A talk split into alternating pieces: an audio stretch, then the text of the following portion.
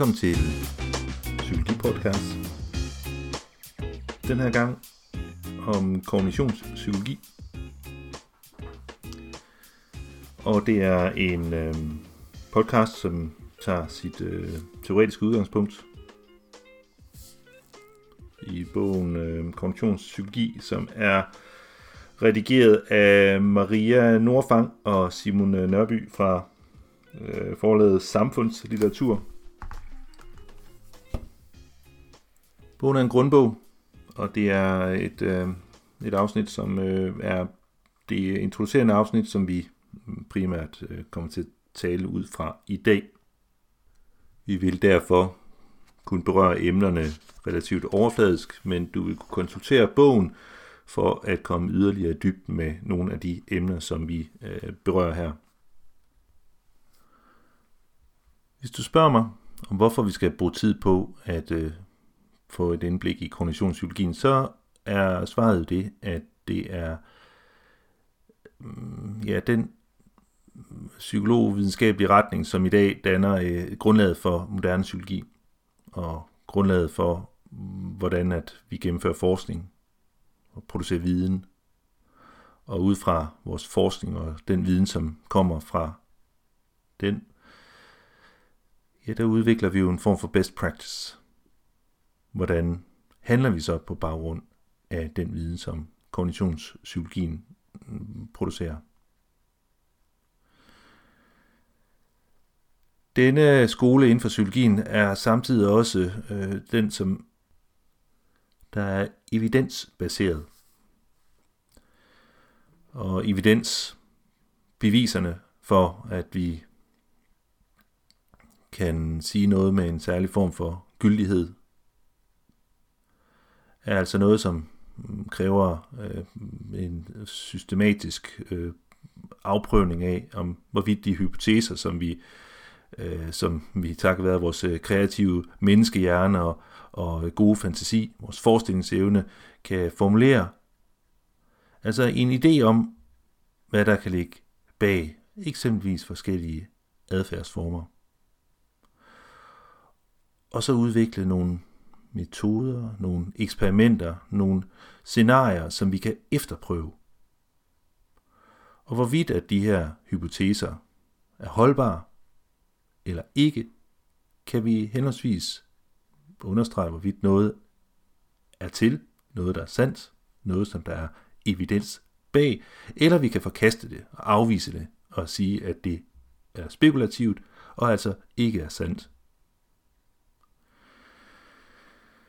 Hvis vi ønsker at ja, have et socialt system, en, en øh, velfærds øh, en velfærdsstat, som har øh, professionelle, som har fagligt uddannede personer, som skal agere i forhold til at løse nogle af de problemer, som opstår i et samfund, ja, så kan jeg i hvert fald sige som skatteyder, Øh, at jeg er svært begejstret for, at øh, halvdelen af de penge, som jeg har optjent i mit ansigts sved og gennem anstrengelse og besvær, at det ikke blot øses bort på initiativer, som ikke virker.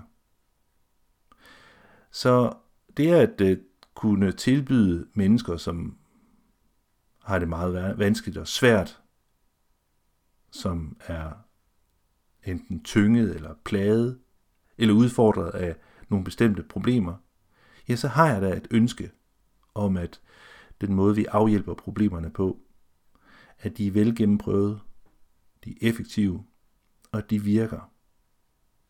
Altså, at der er evidens bag, at de i det hele taget eksisterer og koster velfærdsstaten penge. Og det gælder altså også i socialt arbejde, hvor mennesker med særligt sociale problemer kan være plaget, tynget, frustreret, syge af forskellige årsager, som også er af psykisk karakter. Men som sagt, så er kognitionspsykologien jo ja, viden, som er, som er formet af ja, forskning og undersøgelser, afprøvninger, teorier. Og det giver altså også en, en måde at forstå noget af den struktur, som er usynlig bag sociale problemer. Og det giver os også en systematisk måde at øh, jamen, udrede, dissekere, sortere, analysere det kompleks af vanskeligheder, der kan være skelettet, eller systemet, eller strukturen hos det menneske, som har disse problemer. Og ved en god udredning, så skal vi have gode metoder. Og takket være en god udredning, kan vi i gang sætte en indsats. En indsats, der er effektivt og behandler det, at den skal behandle. Man prøver at præsentere dig for en analogi. Og analogier og, og metaforer er, øh, er jo mit Øh, jeg ved ikke, øh, nogle gange tvivlsomme forsøg på at øh, prøve at begribeliggøre noget af det, der kan være så flygtigt og, og, øh, og uhåndgribeligt, øh, abstrakt måske. Og noget af det her, der, der styrer os og præger os, og det vi, vi, vi bliver motiveret af i den her, øh, det her sind, den her hjerne, den her, mm, ja, den her psykologi, som vi, som vi, vi præges og styres af, ja, så er det noget vanskeligt at fastholde. Vi kan ganske vist dissekere hjernen, og det sker jo så typisk hos de mennesker, som ikke er levende længere. Og så kan vi måske få en, altså en, en lille brøkdel af, hvad der er ja, maskinen, eller tandhjulene, eller øh, kredsløbene. Så derfor øh, bliver vi jo nødt til at gætte og, og udvikle teorier og hypoteser om, hvordan det hænger sammen. Og analogierne kan jo nogle gange være øh, nogle af de modeller, som vi bruger til at illustrere nogle af de her lidt mere abstrakte ting, der, der, øh, der virker i den levende menneskehjerne. Den levende menneskehjerne, som kan være meget svær at, at, at analysere, når vi er i gang med at leve et liv, og vi ikke bare står stille og så at sige kan øh, tages et, et indre billede af, som kan dokumentere, øh, hvordan vores, øh, vores mentale værsituation ser ud. Altså en bil er jo rar at have til at fungere, og den er dejlig at, og, øh, at sætte sig ind i, og så tager man blot fat i rattet, og så trykker man på den der lange øh, ting længst til højre, og, øh, og, og og sørger for, at der er et håndtag, der, øh, der er løsnet. Og så kan, kan den så øh, øh, trille afsted og bringe os fra vores hjem til, ja, til et andet sted. Men det sker jo, at, at den ikke virker. Det sker jo, at, at den, den hopper i det, eller måske går helt ud. Og så er vi jo, jamen så er vi jo strandet. Så sidder vi fast et eller andet sted. Og vi kan være så hjælpeløse, at vi, øh, at vi ikke øh, kommer andre steder hen. Derfor er det jo dejligt, at vi jo har altså udviklet en evne til at kunne øh, komme med nogle, nogle gode hypoteser om, hvad det er for nogle øh, øh jamen, altså dele, der virker i, i bilen. Og vi kan jo måske ovenikøbet finde håndtaget til motorhjelmen, og så løfter vi den op, og så kan vi jo kigge ned. Og dernede under motorhjelmen, bag den, den, den, den, den overflade, altså facaden, inde bag lakken, der gemmer sig jo både en forbrændingsmotor, og der er en noget brændstof, der flyder rundt øh, i et øh, lukket øh, kredsløb af, af rør. Der er også en, en retstamme, som når man påvirker øh, den, så drejer hjulene helt ude for enden af den, og, og der er ovenikøbet øh, en kraft fra motoren, der bringes ud i, i hjulene, så de drejer rundt, og, og nogle af de andre hjul, som påvirkes af, af retstammen. Og alle disse elementer, så det er brændstof og motor og, og ret og hjul, øh, jamen så udgør de alle sammen elementer af bilen og gør, at den virker. Altså når den gør det. Og omvendt, når den ikke gør, så giver det os også nogle muligheder for at kunne systematisk finde ud af, hvor at ja, hele bilens funktion er blevet forhindret. Så den her idé om, at vi har noget, der er en del af et hele, som går i, er gået i stykker, og forhindrer os i at opnå det, som vi ønsker, ja, det er jo, øh, det er jo dejligt, øh, at vi kan gå til den del og eventuelt få, få den repareret eller få den udskiftet. Og mange af de her idéer om noget, der skal fikses, en, en del af en, af en helhed, ja, det er altså også øh, øh en analogi eller en model, som, som, øh, som kognitionspsykologien bærer stær, stærkt præg af, at vi har oversat nogle af de her, øh, altså de her abstrakte størrelser, som ikke desto mindre, på trods af deres, øh, deres, øh, deres uhåndgribelighed, øh, så er de altså ret afgørende for, om vi fungerer som mennesker eller ej.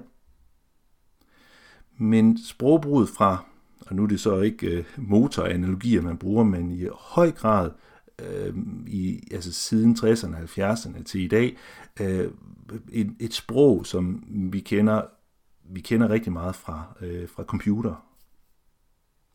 Så ved hjælp af disse ord og disse måder at kategorisere forskellige dele af, af, af det at være menneske på, og det at tale om, at vi har en hjerne, der øh, ligesom er det, der sørger for, at det er muligt at være det her særlige menneske, så er det også en måde, at vi prøver at, at kunne pinpointe og udpege øh, lige præcis nogle af de komponenter, der så at sige enten, hvilket jo heldigvis sker for, for, for rigtig mange mennesker, nogle enheder, som er særdeles velfungerende, men også en mulighed for at kunne øh, udpege nogle af de elementer, som er knap så velfungerende.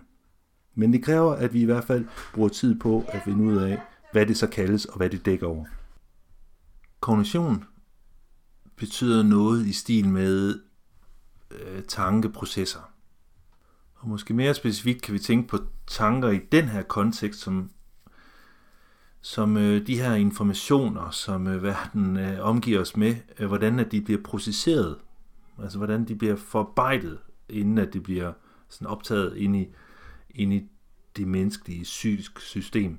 Så kognitionspsykologi, det er altså, det er altså den, den øh, disciplin, som, eller den skole, der forsøger at afdække, hvordan at tankeprocesser bliver en del af menneskers øh, psykiske liv og læren herom. Og så kan du måske huske svagt fra din tid på gymnasiet, at der blev øh, nævnt øh, noget om en, en fransk oplysningsfilosof, der hed René Descartes, som sagde noget i stil med cogito ergo sum. Jeg tænker, ergo er jeg. Og det var det, var det axiom, som det hedder på, på græsk. Altså, det, det han i hvert fald med sikkerhed kunne være sikker på, det var det, der var øh, sådan en, en solid sandhed i, i al den tvivl, som han, han jo rundt i, fordi at, at hans sanser bedrog ham hele tiden. Nogle gange så var han træt, eller også var han helt vildt øh, øh, sulten, eller, øh, øh, eller også øh, var han usikker på, om han drømte, eller om han var helt vågen. Men altså, af alle disse tilstande, han kunne befinde sig i, så var han i hvert fald helt sikker på, at, at, at han kunne tænke. Det skabte grundlaget for, at han var bevidst om, at han havde et jeg. De her tankeprocesser og den her kognitionspsykologi er, har virkelig stillet sine skarpe lys på, på områderne omkring det der med, hvordan vi erkender verden omkring os. Altså, hvordan, hvor, hvor rent teknisk øh, vores hardware, det, det, det sådan formidler de her sanseindtryk igennem perception, hvordan at vores perception øh, også er afhængig af, det, af, af de her sansninger, som er sådan en retningsbestemt, ikke? ligesom sådan øh, forlygterne på en bil, der kører igennem øh, en, en dyb, mørk skov, og en skov, som indeholder alt muligt, men det eneste, der ligesom bliver bevidst, øh, og altså det, der bliver lyst op af forlygtens øh, øh, klare skær. Og alt udenfor, det henligger i mørket, og altså udenfor opmærksomheden. Hukommelse. De her perceptioner, alt det indtryk, noget af det, det sætter altså et aftryk, som, jamen altså, som er dybt og består, som nærmest prægning ned i sådan en metalplade efter et, et tryk. Ikke? Øh, bilmetafor igen, ikke? Altså, bulen i forskærmen, det er altså, det er altså erindringen om den påkørsel, den, den gang man overså øh, lygtepælen, man bakkede ind i. Eller... Men hukommelse er, viser kognitionsvidenskaben jo også, at den er, den er, meget, øh, den er meget dynamisk. Den er, den er plastisk på en eller anden måde. Ikke? Den, den, kan, den kan også bedrage os. Øh, vi kan huske, øh, nogle gange kan vi huske ting med en stor opvisning, som vi faktisk ikke rigtig har oplevet i virkeligheden. Vi kommer ikke til at tale så meget om det her i, i den her podcast, øh, men jeg kan da klart anbefale dig, og, og altså alle de her, de her ting, som jeg bare lige sådan stryger lidt henover, der er jo en hel, mm, altså en hel mængde af, af, af, af specialister og, og nørder, som har, har foldet ud med, ved hjælp af nogle fuldstændig fantastiske studier. Og altså, hukommelse er et af de områder, hvor at der har været mange, mange spændende måder at afdække, hvordan at indtryk bliver til aftryk. Tænkning har jeg nævnt i, kraft af, af det her, som, som det betyder, ikke? altså tankeprocesser. Øh, hvordan at, øh, hvordan at tandhjulen de falder, falder i hak, eller nogle gange ikke gør det. Øh, hvordan de kværner og, øh, og skaber et eller andet, øh, som, som bliver et, øh, et grundlag for en bestemt adfærd. Noget, der også har været sindssygt spændende at forholde sig til, det er sproget. Og det kommer jeg til at tale en smule om i forlængelse af behaviorisme, som, som jeg vil præsentere dig for. Øh, men wow, hvor er det flippet. Altså, hvor er det vildt, det rige sprog, som vi er udstyret med. Den måde, som vi kan formidle øh, ja, forestillinger, billeder, øh, idéer, øh, tanker og teorier, og formidle dem ved hjælp af sproget, så det skaber en form for resonans inde i modtagerens hoved. Og jeg forsøger at gøre alt det bedste, jeg overhovedet kan, for at benytte mig af sproget i sin fulde bredde, så at det på en eller anden måde, på trods af at det vandrer igennem øh, øh de her 0 og 1-taller, så at de skaber øh, samme, sammenhænge og mening og, og danner en form for resonans inde i dit hoved. Og du kan beslutte dig for at blive ved med at høre, eller du kan beslutte dig for at lade være.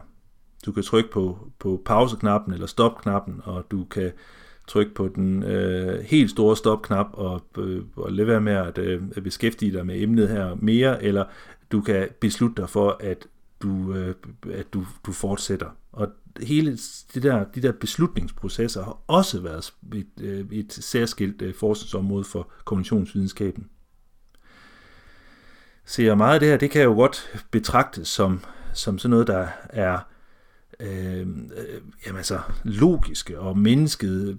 Øh, det ideelle menneske, troede øh, nogle af de her oplysningsfilosofer i den her øh, epoke af historien, at, at vi var i modsætning til dyrene, som udelukkende var i deres øh, sanser og deres øh, instinkters øh, vold, så var mennesket jo øh, oplyst og kunne oplyses. The Enlightenment, oplysningstiden, var fuld af ideen om, at, at, øh, at vi, var, vi var sådan en homo rationalis, altså det rationelle øh, menneskedyr. Og så øh, igen, så viser det sig, at, at vi bliver ved med at lave åndssvage ting. Altså virkelig øh, aktiviteter, som altså, som, som bare ikke rigtig efterlader anden konklusion, end vi er ikke homo rationalis. Altså, vi er åbenbart homo emotionalis. Altså, at vi kommer i vores følelsesvold. At, at, at, at de her følelser, som, som vi ikke har undertrykt øh, godt nok, alligevel gør, at vi havner i krig og i slagsmål og og kysser med, med, med dem, vi ikke burde have kysset, eller at vi øh, øh, investere penge i, øh, i noget, som jo helt åbenlyst øh, ikke giver et, et godt afkast. Øh, øh, altså, vi gør altså tossede ting. Og det er altså ligeledes et område for kognitionsvidenskaben. Hvornår er noget af vores, øh, de indtryk, som vi får i vores øh, verden, hvornår er det, at vi, at vi, øh, at vi, at, at vi bare handler øh, på baggrund af de sansninger, vi har. Hvornår er det, at øh, tiden er inde til, at, at den måde, som du lige i øjeblikket, enten så går du en tur, eller også, eller også har du hænderne i, øh, i varmt opvaskevand. Øh, måske øh, mm, øh, altså, oplever du lige præcis nu, at tiden er inde til at trække vejret øh, på ny. Altså, hvornår er det, at tiden er inde til at skifte øh, vægten i sædet, eller øh, flytte øh, øh, vægten fra den ene fod til den anden, for ikke at, at vælte? Hvornår er det, at du oplever, at nu er, er, vandet blevet så, så koldt, at øh, det skal suppleres med noget varmt? Øh, hvornår, hvornår er det, at du tager den dybe øh, indånding, fordi åh, altså, nu er tiden inde til det. Og der er altså en masse af de her sansninger, alle de her input, øh, informationer, som vi får fra verden omkring os, som ikke er bevidste. Og hvornår er det, at nogle af de her indtryk og input, at de sniger sig op over vores, øh, altså, altså fra, fra de dele af hjernen, som, som konstant monitorerer verden omkring os og vores position i verden. Hvornår, hvornår er det, at, at, at, at disse informationer, hvor altså, altså det er jo helt vildt, kan du ikke prøve tænk på, hvordan at øh, dit tøj det berører dig på alle mulige øh, øh, øh, måder øh, på hele din krop, og, og tyngdekraften øh, trykker dig ned imod jorden, og, og, og der er en masse af, af, af, af, af sansninger i hele kroppen. Det er jo trilliarder af informationer, som, øh, som du bliver bombarderet med konstant. Og hvornår er det, at noget af det, det bringes op i bevidsthedens øh, overflade? eller bragt ind i forlygtens øh, øh, afslørende tydelige lys. Og hvornår er det, det henligger i mørket. Og som vi lige kommer til at runde øh, dagens øh, podcast af med, så er øh, så har vi altså også en medspiller i hele det her, i hele den her badulje, og det er altså kroppen. Det er en, den, den, den tror jeg, at, at har været overset enormt meget igennem en stor del af, af den psykologiske øh, historie, men, øh, men selve kropsbevidsthed og kroppens betydning for, øh, for, for de mentale processer, prinsesser, altså for de mentale processer, øh, der har vi altså øh, en, et element, som har virkelig har konsolideret nogle øh, af de her tankeprocesser, altså kroppen. Så vi har haft, øh, altså i, i, i, i, den, i den kognitionspsykologiske øh, tradition, der har der været de her områder omkring erkendelse, perception, opmærksomhed, hukommelse, tænkning, sprog, beslutninger og følelser, eller som nogle af de, der er meget fine på den, øh, siger, emotionerne, altså for at ligesom at skabe et skæld imellem øh, følelser, som også dækker det, der gør ondt af, altså mm, øh, prikken øh, øh, nål på fingerspidsen, øh, mod emotioner, som, som, som særligt er de her øh, følelser, som, øh, som vrede og, og glæde og sorg. Øh, bevidsthed har været et øh, studieområde, og, og, og, så, og så kroppen også. Øh, så øh, kogt, kogt ind til, til, til sådan nogle færre elementer, som, øh, som kognitionsvidenskaben øh, øh, er virkelig interesseret i. Det er den her overgang fra den her verden omkring os, som, som, øh, som bliver opfanget af, af, af vores sansning, og det er igennem alle de her øh, sansapparater, som vi har, til at det, Øh, øh, til, til, til det perciperes, altså det, det, det ligesom bliver data behandlet. Øhm, og, og, og, og så er der altså ligesom, øh, hvis vi forestiller os øh, tandhjulene i et øh, gammelt øh, urværk, øh, som, som roterer rundt, og der er nogle fjeder, der bliver spændt og noget andet, øh, så, øh, øh så resulterer det i en eller anden form for adfærd. Altså en input, en proces, og så et output. Du kan jo måske nok godt se, hvordan at analogien til computeren er relevant øh, i den her, øh, altså i den måde at beskrive det på. Altså den, den telefon, som du øh, hører det her, den her podcast fra, at den har, altså den har en indmad, den har, øh, den har noget hardware, øh, og, øh, og når brugeren påvirker øh, skærmen, øh, så, øh, så kommer der en, en, er, der en, er der en reaktion inde i telefonen, som, øh, som gør, at, at der kommer et output i form af, at øh, podcasten bliver afspillet. Og, og således så øh, kan vi så øh, forstå øh, mennesket også i den her, øh, den her forståelseskontekst. Men for at bidrage til, lad os, lad os prøve at se, om vi kan gøre kompleksiteten øh, øh, øh, endnu vildere, altså ved at øh, nok en gang at tage, øh, tage nogle af de her Øh, historiske baggrund for øh, kognitionspsykologi øh, øh, med ind øh, og, og, og fylde op ind i, øh, ind i hovedet på dig.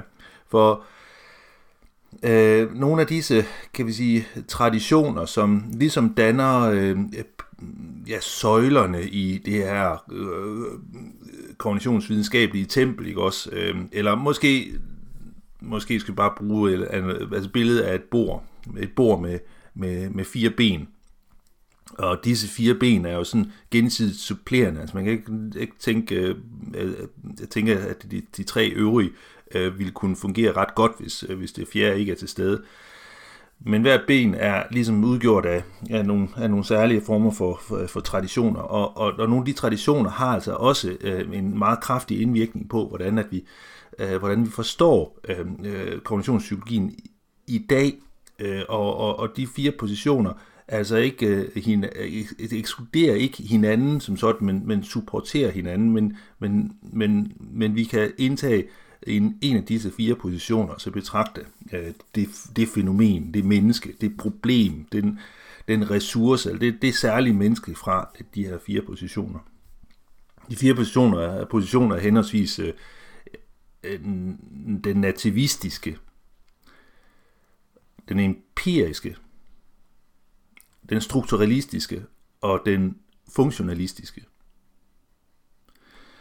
Altså den første, det, det, det første ben af de fire, nativismen, er, øh, jeg tror ikke Platon, han sad på en øh, bænk og nød den øh, sene græske eftermiddag sol og, og nød et glas vin. Men øh, og så tænkte jeg, jeg er sgu nativist, det er det, jeg er.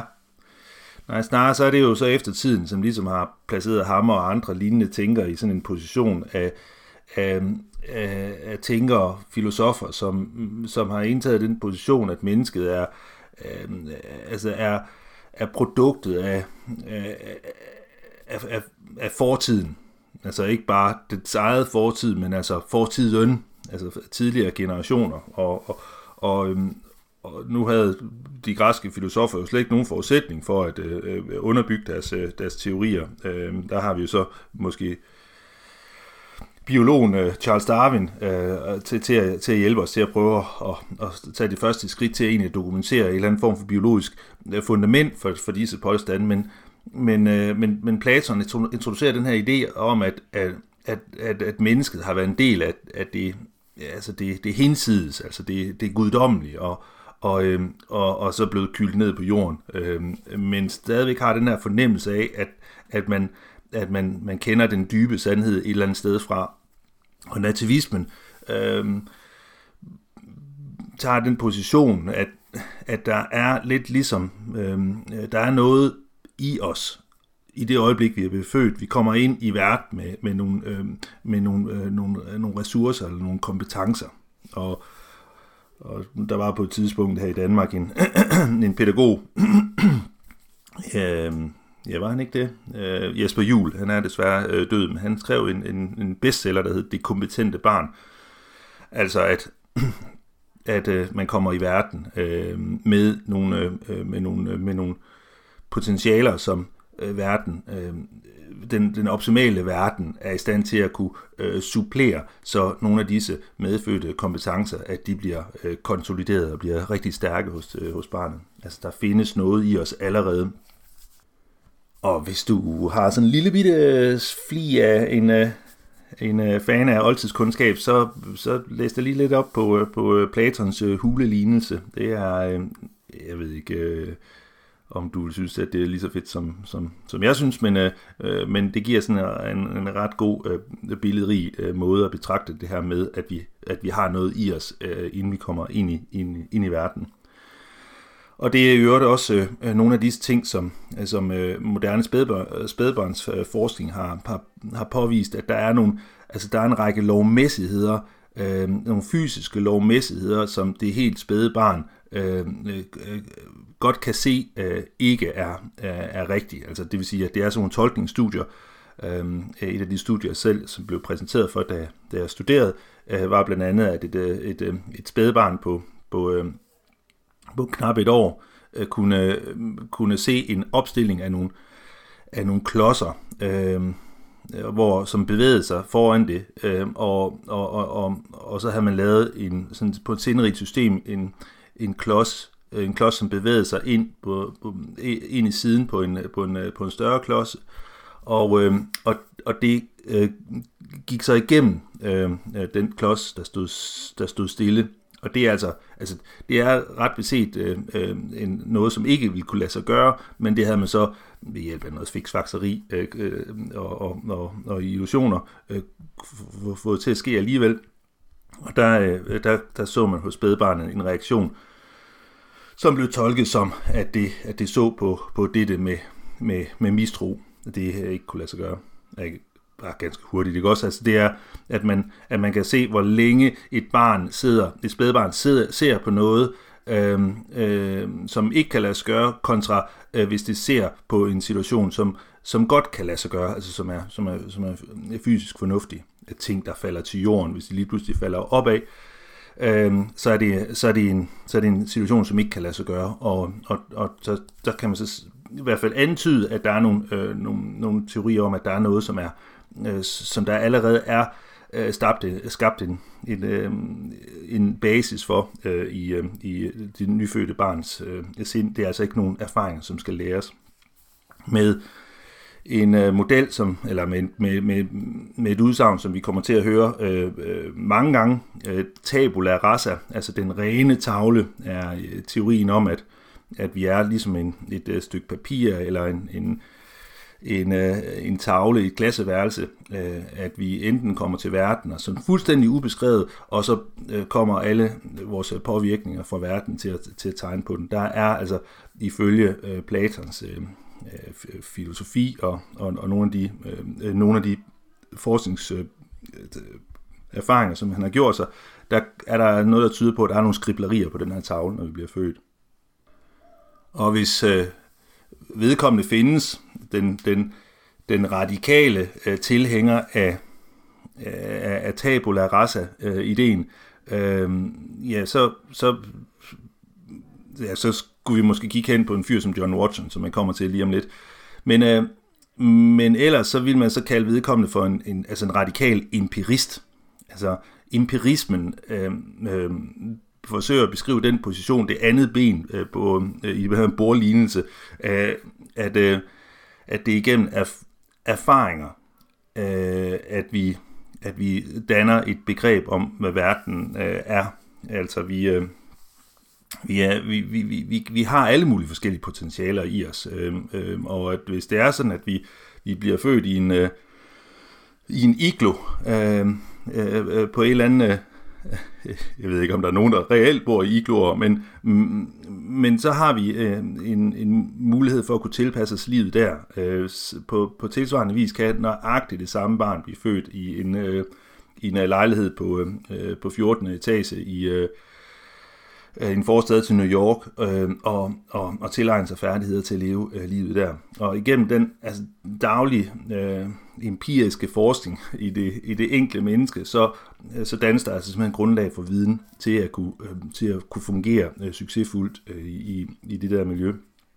Og, og øh, Aristoteles øh, tilskrives, øh, øh, tilskrives æren at være den første til at introducere øh, tanken om, at at det er sådan en slags øh, øh, udvekslingsforhold imellem individet og så dets, øh, dets verden, som det, øh, som det lever i. Og vi kan jo næsten på en eller anden måde se øh, en form for øh, modsætningsforhold imellem øh, nativismen og, og empirismen. Øh, og det, som jo så meget andet her i livet, så er det jo, øh, øh, så er, så er fundamentalistiske holdninger øh, i, i, i yderkrogene, altså helt, helt ude i, i siden, øh, de er øh, øh, ja, altså sjældent sande, øh, og, og svaret er jo øh, nok sådan en, en interessant øh, ja, sådan dynamisk og dialektisk forhold imellem øh, de her to øh, yderpunkter.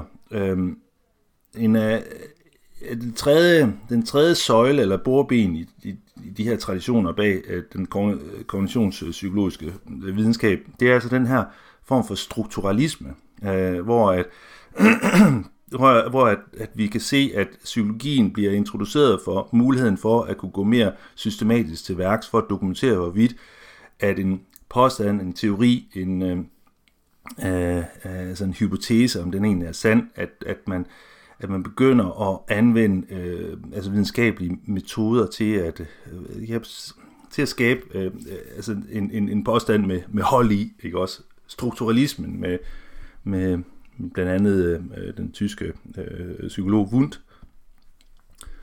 at han og mange andre, og også, altså det er jo langt op i dag, og det gælder jo altså alle de her, alle de her fire ben, de er altså stadigvæk øh, øh, øh ben, som holder vores øh, moderne øh, kognitionspsykologiske praksis øh, øh, oppe.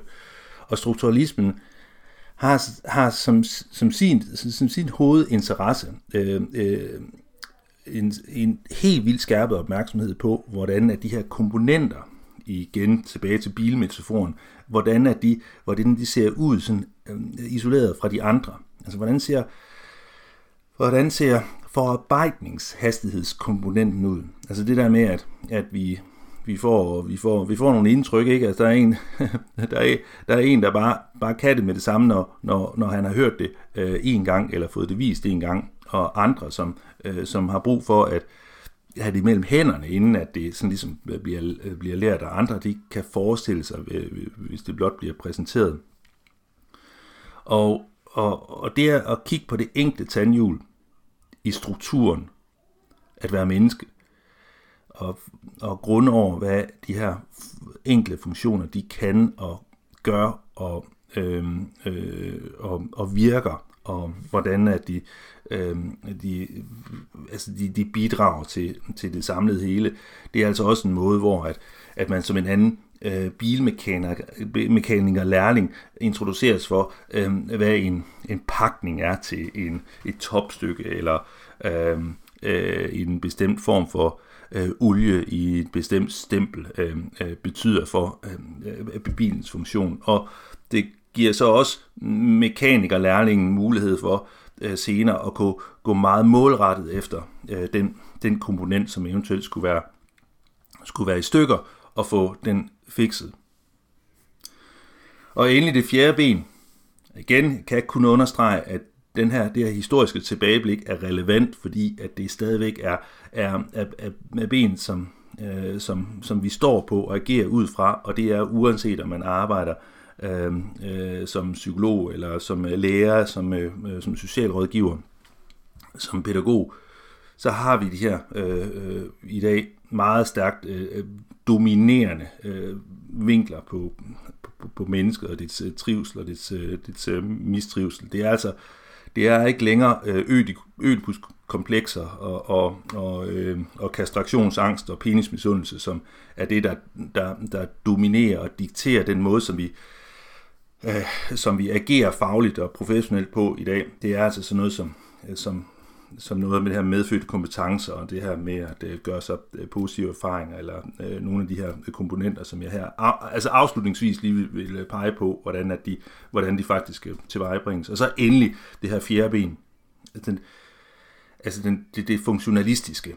Altså hvad er det, at de her funktioner gør, og hvilket formål tjener det? Og, og, og her kan du godt tænke evolutionspsykologisk. Evolutionen er en benhård konkurrent, eller en benhård lærer. Der gives ingen gaver. Der kan godt være noget held, der kan spille, spille ind, Det kan godt være, at øh, den øh, uopmærksomme øh, øh hulemand mand øh, på vej hjem fra, øh, øh, fra et eller andet sted, en god udsigt, eller hvad pokker han har været henne, det kan godt være, at han har været heldig én gang øh, ved ikke at blive opdaget af en sabeltiger. Øh, men, men over, øh, altså over øh, 1000 generationer, så er det sådan, at man ikke kan eksistere på held alene. Der er, øh, der er det at kunne øh, være tilpasset et helvedes farligt øh, miljø en øh, forudsætning for, at man kommer hele vejen hjem til lejren, så man kan, øh, så man øh, kan blinke lidt til øh, øh hulekvinden, og så hun synes, at man er dejlig, og så øh, få, øh, få børn, som kan bære nogle af de her egenskaber videre. Så altså særlige, altså, særlige øh, måder at være menneske på eksisterer i dag, fordi det har været gavnligt for vores basale overlevelse for vores forfædre. Og det er meget, meget muligt, at vi øh, altså, har, har fået en, øh, en gave tak, øh, takket været mm, altså, tilfældigheder og, og, og, og, og heldige mutationer, at vi har fået den her frontallap, som gør os i stand til at sådan, ligesom virkelig at kunne regne ud, hvordan at vi kan øh, hvordan at vi kan tæmme ilden og, og, og, og øh, operationalisere hjulet, og, og, og i dag øh, sidder her og kommunikerer øh, via 0 og 1-taller og, og bruger strøm, som vi gemmer i batterier. Altså det er ikke noget, som, øh, som sabeltigeren formåede at gøre. Det er ikke noget, som øh, øh, chimpansen øh, øh evnede. Det er noget, som som vi takket være formentlig et eller andet, øh, et eller andet øh, øh, øh tilfældigt øh, udviklingsbøvs har gjort, at vi har den her frontallap, der kan regne det her ud. Men, men, men inden da, så har vi i hvert fald haft øh, øh afhængighed af, at vi har udviklet og bevaret øh, nogle bestemte øh, færdigheder og, og træk ved, ved at være menneske. Der er, nogle, der er nogle komponenter i hjernen, som har været afgørende for, at vi kunne øh, overleve længe nok til, at vi kunne give øh, nogle af disse, disse træk, øh, træk de her hjernekomponenter videre til næste generation. Og, øh, og, og hjertets øh, måde at arbejde for os, øh, lungernes, øh, tarmsystemet, vores, øh, vores, øh, øh, altså vores neurale øh, netværk, den måde, som, øh, som, som, øh, som den inderste kerne af hjernen, og, som, øh, som direkte associeres med, øh, med følelser, og også emotioner, altså sådan noget med, med sult og frygt og vrede og, og, og mange andre ting, og den indflydelse, det har på vores øh, adfærd, vores, øh, øh vores, øh, vores øh, angst for at blive øh, ladt alene, og vores øh, ubehag ved at, at være ensomme, altså og hvor, hvor stærkt det, det ligesom motiverer os til at, at gøre ting, som, øh, som, som skaber et øh, fællesskab med andre. Altså, nogle af disse ting er almin menneskelige, og kan måske synes at være være overflødig for det moderne menneske. For der er ikke flere sabeltiger, og vi kan også godt leve alene. Øh, øh, staten sørger for, at vi, øh, at, at, at, at, vi får, at vi får penge nok til mad, øh, uanset hvor meget vi gider at være likable. Men vi har stadigvæk en tilbøjelighed, og den er altså i det funktionalistiske perspektiv forankret i, øh, i, i sådan en overlevelsesnytte. Det, øh, grund til, at vi kan, altså, at vi kan fornemme, øh, hvis der er dårlige stemninger i bestemte selskaber, har altså helt ærligt, i dag, der kan vi jo bare øh, vende folk ryggen, og så kan vi gå et andet sted hen, men for vores, øh, for vores forfædre, der ikke har haft et, et, et, et, et velfærdssystem, øh, øh, så, har, så har det at kunne fornemme øh, andres stemninger været fuldstændig afgørende for, hvorvidt at man, øh, at man kunne bevare øh, øh, tilknytning til et, øh, til, til, et fællesskab eller til en gruppe, som, øh, som var det, der var, øh, altså var helt afgørende for, for, for grundlæggende overlevelse. Det er altså det er altså nyttigt at kunne se, om et menneske er vredt. Og som sagt, de fire ben i kognitionsvidenskaben er, øh, er altså det, som, som vi stadigvæk den dag i dag øh, betragter øh, mennesker øh, på baggrund af, og hvis, og jeg ved godt, det måske vil hægte dig af, men lad mig lige hjælpe dig lidt. Altså, i meget gamle dage var der en norsk øh, øh, forfatter, altså dengang der var Norge jo, Danmark, og, og, og han hed Ludvig Holberg. Og han øh, skrev et, øh, altså et satirisk øh, skuespil, som, øh, som han kaldte Jeppe på bjerget. Og Jeppe, han er et skvat.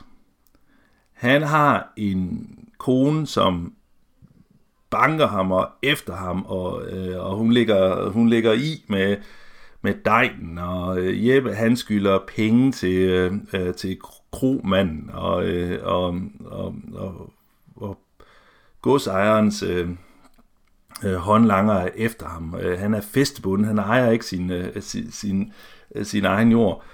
Og, og, og satiren i, i stykket her er jo så, at, øh, at, at, han, at, at godsejeren øh, laver sådan en prank på ham, og hvor han øh, øh hvor, hvor ham og, og, og, og en anden indgår et vedmål om, om Jeppe han egentlig formår øh, at kunne, øh, kunne have magt, så øh, hvor at Jeppe han på et tidspunkt han er gået øh, helt ud, øh, så, øh, øh så iklæder de ham øh, øh, herremandens øh, gevanter og lader ham øh, vågne i øh, herremandens øh, seng.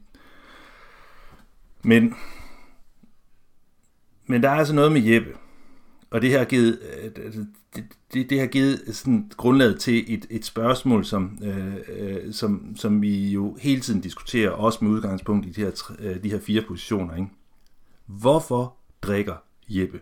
For problemet er, for Jeppe, som er, ja, så vi kan sige, at der er mange problemer med Jeppe, og det kan de fire positioner øh, hjælpe os til at belyse. Hvorfor drikker Jeppe? Har du et bud?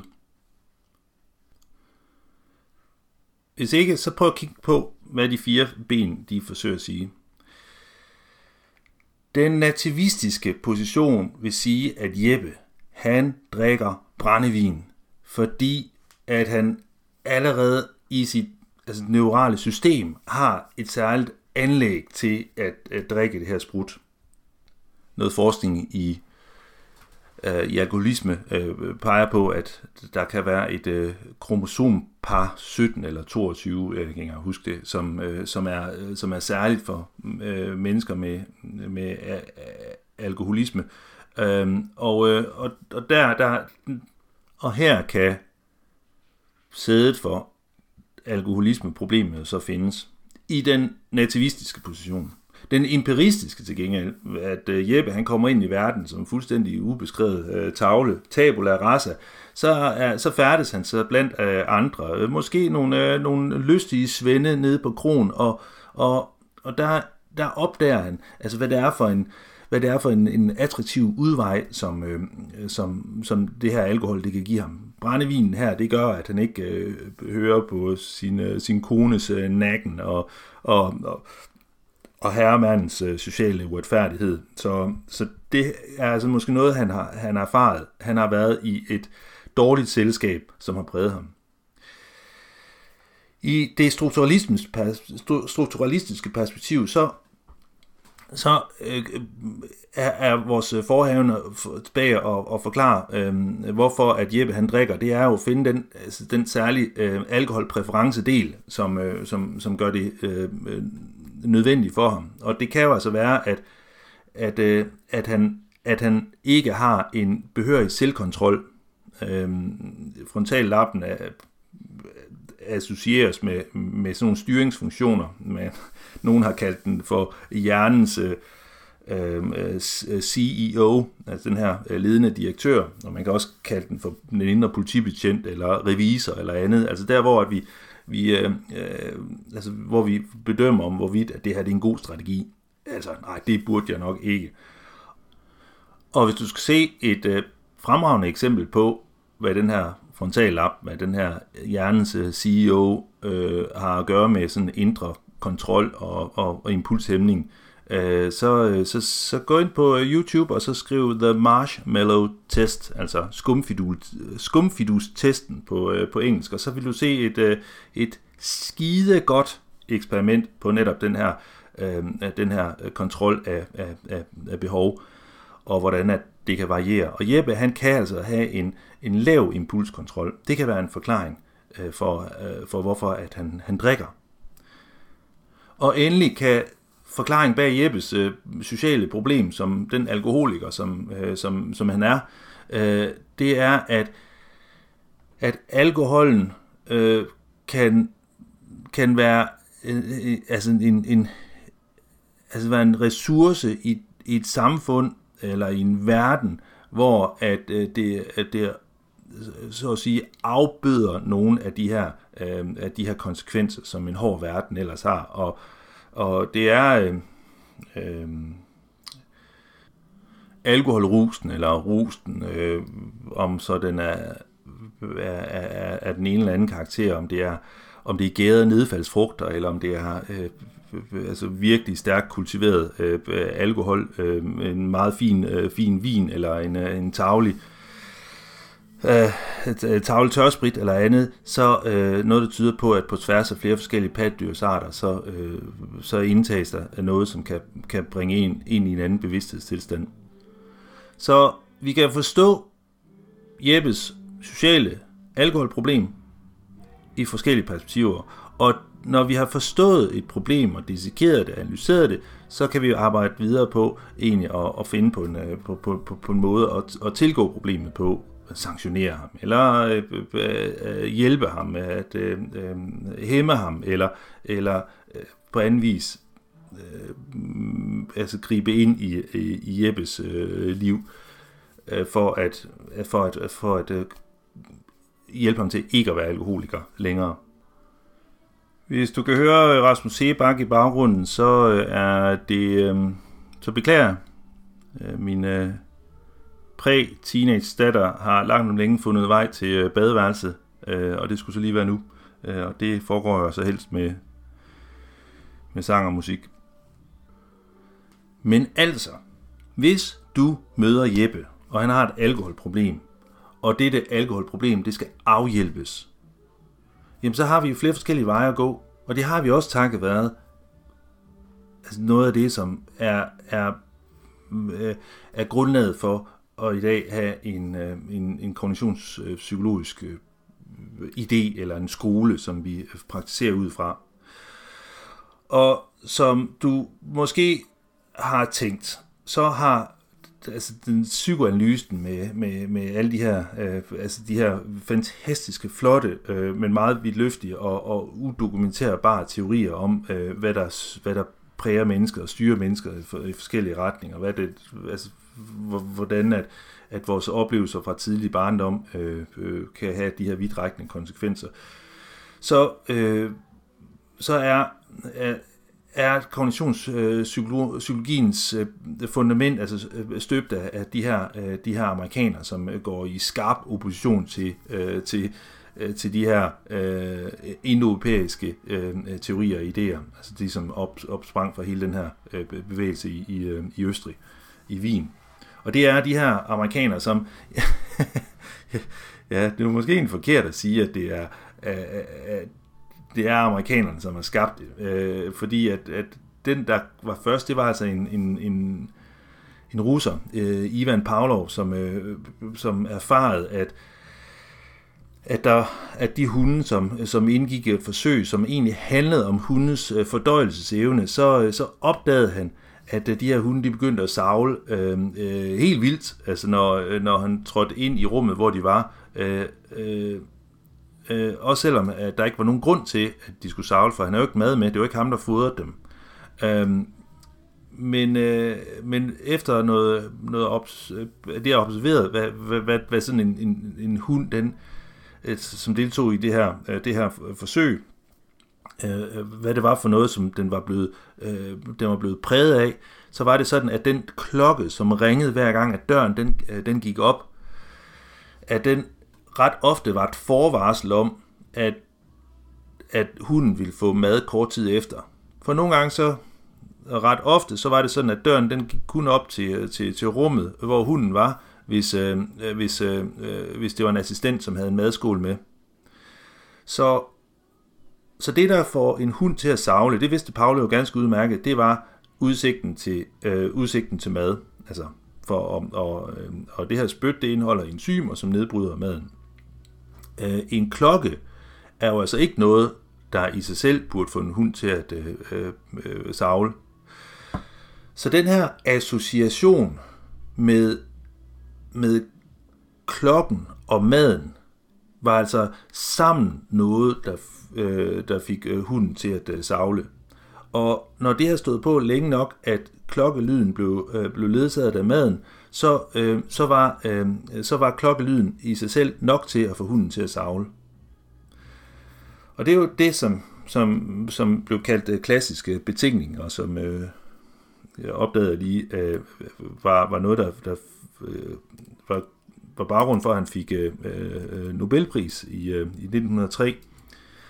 Og, øh, og vi kan jo selv tænke på, hvor, hvor der opstår de her former for, for, for klassisk betingning, at vi, at vi, øh, at vi færdes igennem, en, altså gennem byen, og så ser vi, øh, så ser vi re- reklamer på, øh, på, på, altså på plakater, øh, at, vi, øh, at vi er på, øh, altså på, på internettet, og så er der sådan nogle øh, reklamer for ting, som vi overhovedet ikke øh, har brug for men at der, at der skabes en eller anden form for, i de her billeder, en association med noget, som er attraktivt med et produkt.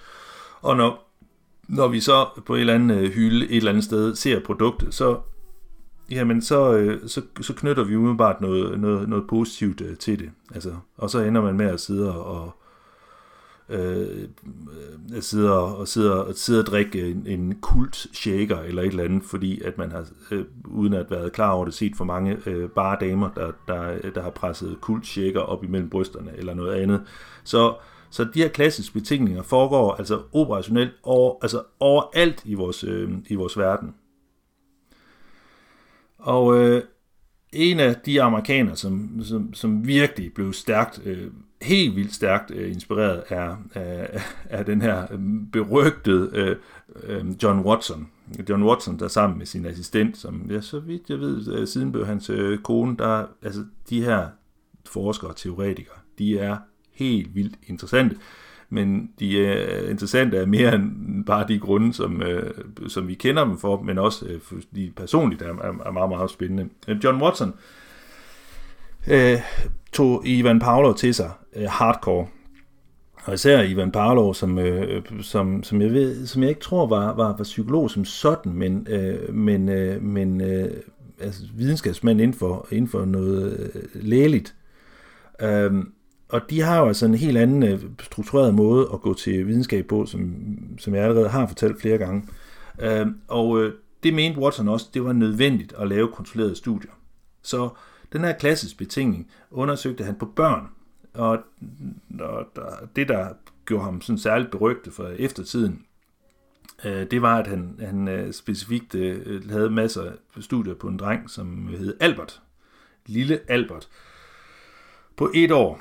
Og, øh, og lille Albert var altså helt vildt glad. Som en anden hund, der savlede, når han så mad, så blev han helt vildt glad, når han så øhm, øh, øh, øh, sådan en, en, en, sådan en, en hvid rotte, sådan en kælerotte, eller en kanin, eller en, øh, en, en hund. Altså så lyste han så øh, hans øh, ansigt op i, i, øh, i øh, glæde og fornøjelse.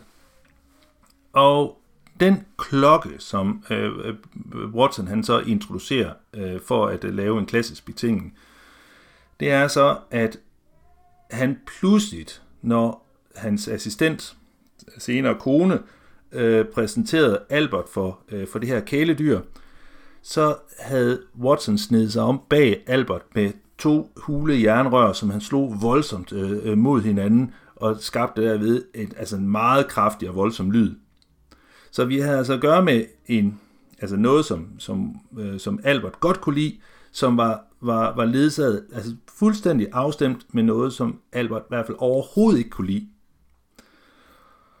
Og efter meget få gange, så var det sådan, at de kunne se på lille Albert, at når han, han blev præsenteret for et kæledyr, som han inden den her form for altså betingning, som man kalder det, eller konditionering, øh, øh, blev præsenteret for det her kæledyr, uden at det var ledsaget af den her voldsomme lyd, så brød, øh, brød øh, Albert ud i, i voldsom krampegråd. Så her har vi at gøre med en måde, hvor at, at, at man ændrer øh, Alberts adfærd og hans præference for dyr, og, og erstatter det med en negativ association. Og det, øh, ja altså, vi kan jo, øh, vi kan jo se, at, øh, øh, i, i, vores, i vores verden, at der er talrige af eksempler på, at vi aktivt øh, gør, øh, øh gør en bestemt handling, øh, altså for, for den handling gjort rigtig ubehagelig. Og det med os, der er bilejere, vi har fået de der gule sædler i forruden øh, en enkelt gang, og så så har vi altså, så har vi som en lille Albert fået et, et, øh, et voldsomt øh, brag øh, bag os, og vi hver gang, at vi nu kører, øh, kører forbi i, i, i jagten efter et sted at parkere bilen om, om eftermiddagen, og vi ser en, øh, en, øh, en, en fri plads, som dog er øh, et, øh, altså et, et sted, hvor man reelt ikke må, må parkere, så kører vi forbi, fordi fandme om vi har lyst til at, at, at, at opleve den smerte igen, altså en, sådan en, øh, sådan en bøde. Det er bare dumme, øh, det er dumme penge. Og, og som, jeg, som jeg også har nævnt, så er på den anden side, så udover det der med, at vi kan opleve noget, som er meget, øh, som er meget, øh, som er meget smertefuldt, altså den her, den her straf som en måde at korrigere adfærd på, altså ligesom øh, braget bag øh, Alberts øh, ryg, øh, så kan vi også, øh, så at sige, øh, som i reklame, øh, i reklamekampagnerne se, at vi kan styre adfærd ved at belønne med noget, der er attraktivt. Og du kan altså med stor fordel øh, give dig til at overveje, øh, hvor mange steder, at øh, du selv bliver, altså bliver adfærdsmodificeret på grund af, af påvirkning, hvor, hvor der bliver øh, skabt associationer mellem det ene og det andet, øhm, øh, for, for at altså gøre dig til en bestemt øh, samfundsborger, eller hvordan at du selv som, øh, som, som fagprofessionel øh, så at sige præger andre, øh, øh altså styrer andres adfærd ved hjælp af, af, af henholdsvis straf eller belønning. Hvis du ingen eksempler har øh, på, på, de her, øh, øh, på de her ting, så har du i hvert fald mulighed for at gå, gå ned i, i, i den helt klassiske film, øh, filmskat, og så, og så finde øh, A Clockwork Orange, øh, som, øh, øh, som er instrueret af Stanley Kubrick. Der vil du kunne se øh, ganske vist i fuldstændig karikeret tydelig grad, hvordan at klassisk betingning bruges i forhold til at afrette øh, en, øh, en øh, ungdomskriminel. Det er, øh, det er øh, helt sikkert en, en, en, vild og, og, en vild film og meget, altså meget klassisk. Så øh, der har du altså en, øh, en, øh, en, en filmgave, hvis, øh, hvis du har brug for at øh, få lidt kultivering. John Watson, han, han blev reklamemand. Han blev af sin samtid også udskældt for at have lavet de her, øh, de her forsøg på et lille sødt barn. Og det er øh, jo ikke nødvendigvis øh, specielt fremmende for en, øh, for en gloværdig karriere. Men han havde faktisk en herlig karriere som reklamemand, hvor han så hjalp øh, industrien med at, øh, at få afsat øh, produkter, som, øh, som vi ikke anede, vi havde brug for at anskaffe os. Men Watson blev altså også en inspirationskilde til øh, Burhus øh, Skinner, som han hedder. Og han, øh, han tænkte på, hvordan pokker man egentlig kan, kan bruge nogle af de her, øh, de her betingningsformer, eller altså den her konditionering, øh, noget at, at, at modificere øh, adfærd på med henholdsvis straf og belønning. Altså kan man bruge det til reelt at, at, at udvikle sindet hos, øh, hos, øh, hos øh, mennesker og dyr. Og øh, straf og belønning kan jo altså systematisk øh, gennemføres i sådan nogle små bokse. The Skinner Box øh, kaldte han det. Hvor er i han havde, han havde en rotte.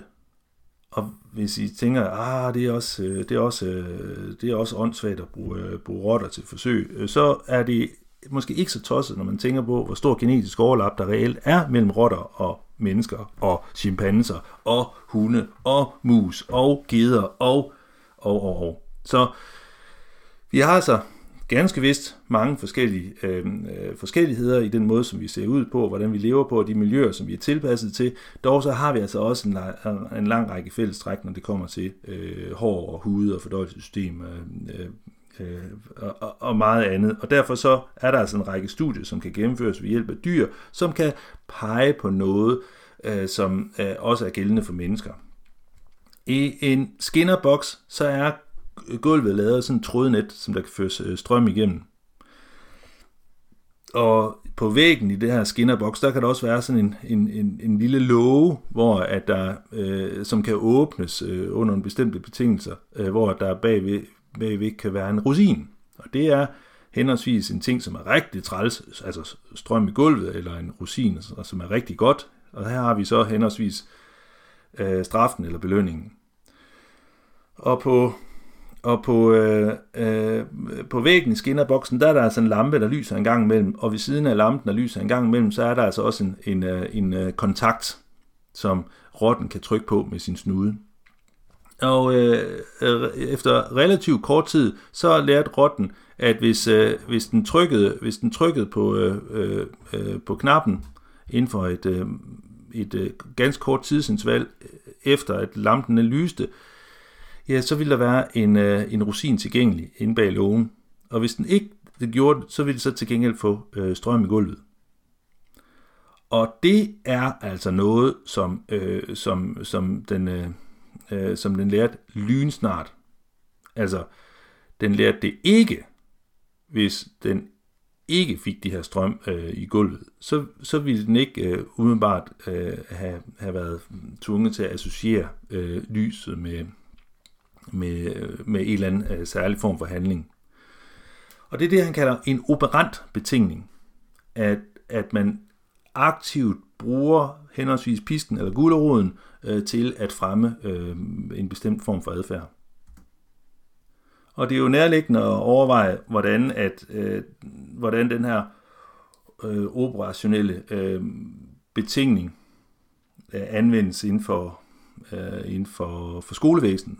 Hvordan at vi at vi måske tilbage i 1950'erne har haft, øh, øh, altså læreren har, har forlangt af eleverne, at øh, eleven kunne kongerækken, eller øh, øh, øh, skrev det i gjort, og så ville så få sin øh, numse smurt, eller sådan noget, ikke? Altså at vi, at vi, vi straffer for noget, der er, øh, der er forkert, ikke også? Altså at vi, at vi korrigerer øh, børnenes adfærd, enten ved at belønne dem med høje karakterer, eller straffe dem med, med lave karakterer, eller tidligere før revselsretten øh, blev afskaffet, øh, øh, kunne, øh, kunne tæske børnene, hvis, øh, hvis ikke de gjorde, hvad der blev sagt. Og, og Skinner, han var også helt firkantet. Som, øh, han, han, øh, han foreslog øh, direkte, at, øh, at man, kunne jo, man kunne jo give børn et ganske svagt stød, altså ikke noget, som efterlod huller i huden eller noget andet, men, øh, men bare lige, lige nok til, at det kunne mærke øh, ubehaget hver gang, at det begik en eller anden form for fejl i, øh, øh, i, i skolemæssig sammenhæng, og det havde en virkelig effektiv, altså det kunne have en enormt effektiv øh, øh, indflydelse på, hvor hurtigt at, øh, at øh, skoleeleven øh, lærte sit stof. Og hvis du sidder og bliver lidt oprørt, fordi sådan er skolevæsenet ikke, som, som vi kender det. Du øh, har sandsynligvis ligesom mig haft det rigtig, rigtig fedt i, øh, i skolen og været på fornavn med vores øh, klasselærerinde og, øh, og, og husker det tilbage med, med glæde, og så ved jeg også godt, at du kunne måske også have haft lidt anderledes, men, men det kan måske skyldes nogle andre, andre grunde end, end, end strengt taget det, den pædagogiske strategi, øh, som, øh, som læreren og lærerinden, lærerinden har, har, har anvendt. Men vi har i, øh, i socialt arbejde en lang række eksempler på, at vi operant øh, øh, påvirker vores, øh, vores medborgere i samfundet til at øh, tage, tage ansvar for eget liv. Øh, for hvis de ikke gør det, så oplever de, øh, vil de opleve en form for sanktion. Øh, så, øh, så det er, det er sådan ligesom at, at, at, at præge øh, øh, vedkommende til at tage nogle bestemte valg øh, for at tage imod en praktik, eller, eller tage, altså ved, ved, at, ved at true vedkommende ved at tage ydelserne fra, fra ham, jamen øh, så har vi altså en måde at operationalisere de her klassiske betingninger. Altså vi, at vi bruger det som styringsredskab. Men en klassisk betingning og den øh, operante betingning er, er, jo, er jo ikke nok til at forklare, hvorfor vi udviser en, en bestemt adfærd. At vi, øh, vi har præferencer for nogle bestemte adfærd. Og det, og det, øh, og det, det, det viste nogle af de her efterfølgere til, til henholdsvis øh, Pavlov og Watson og, og, og Skinner, øh, at, øh, at der er også en række forhold, hvor at vi, uagtet hvad, vi, hvad fanden vi så indstiller op, øh, vil få straf og belønning og fuldstændig vilkårligt, og det vil også have nogle konsekvenser på den måde, som vi udviser adfærd på. Og øh, Martin Seligman, som ganske vist i dag er mest kendt for øh, at have udviklet teorierne bag positiv psykologi, han havde altså en, altså en, en start på sin forskerkarriere, som var af altså en helt anden karakter, og det, øh, og det var i forskning i det, som han kaldte for learned helplessness, indlært hjælpeløshed. Og der, der lavede han altså en skinnerbox, ikke med rotter den her gang, men med, øh, med, øh, med hunde, øh, hundevalpe. Altså hunde, som, som typisk meget nemt kan dresseres til at gøre, til at gøre alle mulige forskellige øh, øh ting. Men øh, hvor at, øh, at boksen her var sådan, at at der var en helt anden form for vilkårlighed i forhold til det der med at kunne trykke på knappen. Fordi nogle gange, så virkede det efter hensigten, så, så forhindrede det, at det fik stød øh, i, i, i poterne igennem gulvet, og andre gange, så gjorde det ikke. Og det, som, som, som hunden den gjorde meget, meget ihærdigt lige i starten, den trykkede som, som fuldstændig febrilt på den her knap, øh, både når, når pæren den lyste og ikke lyste, øh, fordi at nogle gange så virkede nogle gange virkede den ikke. Og til sidst, så, øh, så udviste hunden altså en adfærd, som, som mindede om, at den egentlig bare havde givet op. At den lå, øh, den lå fuldstændig pacificeret på gulvet, øh, helt splattet ud og øh, ganske vist øh, levende, men øh, tog bare de her stød. For så kan vi sidde og, og overvære det her, det her forsøg, og så kigge på hunden, og så kan man tænke, ja, måske er konklusionen inde i det her hundehoved, at hvorfor fanden besværer sig med et forsøg på at afhjælpe disse stød, når det alligevel ikke virker. Sådan synes næsten at være konklusionen, at det har lært at være hjælpeløs. Det er ikke sikkert, at, at hun reelt er hjælpeløs, men det har lært, at det er det, fordi at det ja, altså alligevel nogle gange får stød. Og stødene, altså stadigvæk noget, som kan mærkes. Det er ikke fordi, den, hunden bliver, øh øh, øh, øh, bliver øh, ufølsom i forhold til øh, smerten, som det, gi- som det giver. Så indlært hjælpeløshed på hundestudier giver os en idé om, at noget tilsvarende også kan gøre, gøre sig gældende hos, øh, hos os mennesker. At vi kan møde mennesker, og det er jo ikke, altså, altså det er jo ikke dig vel, det er jo heller ikke mig, det er, eller, eller er det. Øh, men at, at, at vi igennem nogle praksiserfaringer i sådan mere eller mindre grad, øh, måske relativt ofte eller forholdsvis sjældent, har lært, at uanset hvad fanden vi stiller op, så har det ikke de øh, ønskede konsekvenser, som, øh, altså, som vi drømmer om. Og derfor så kan vi lære, at det vil være spild af energi overhovedet at forsøge og den her indlærte hjælpeløshed kan være mere eller mindre øh, dominerende øh, på, på flere domæner af vores, øh, vores eksistens. Altså, hvor at de her, især Watson, øh, siger, at, at alt det der, alt det der øh, med at øh, øh, tale ud fra, at der er nogle, øh, nogle iboende motiver, der er noget, der er noget, altså der er noget øh, altså nogle længsler, eller nogle drifter, eller nogle behov, altså det er spekulativt. Det kan altså ikke forskes, øh, forskes i rigtigt. Det kan godt være, at det eksisterer. Skinner han var lidt mere, øh, lidt mere blød i det, end, øh, end, øh, end, end Watson var. Øhm, øh, altså, det kan godt være, at der er noget i den der black box, noget som, som, som behandler det her, de, de her data.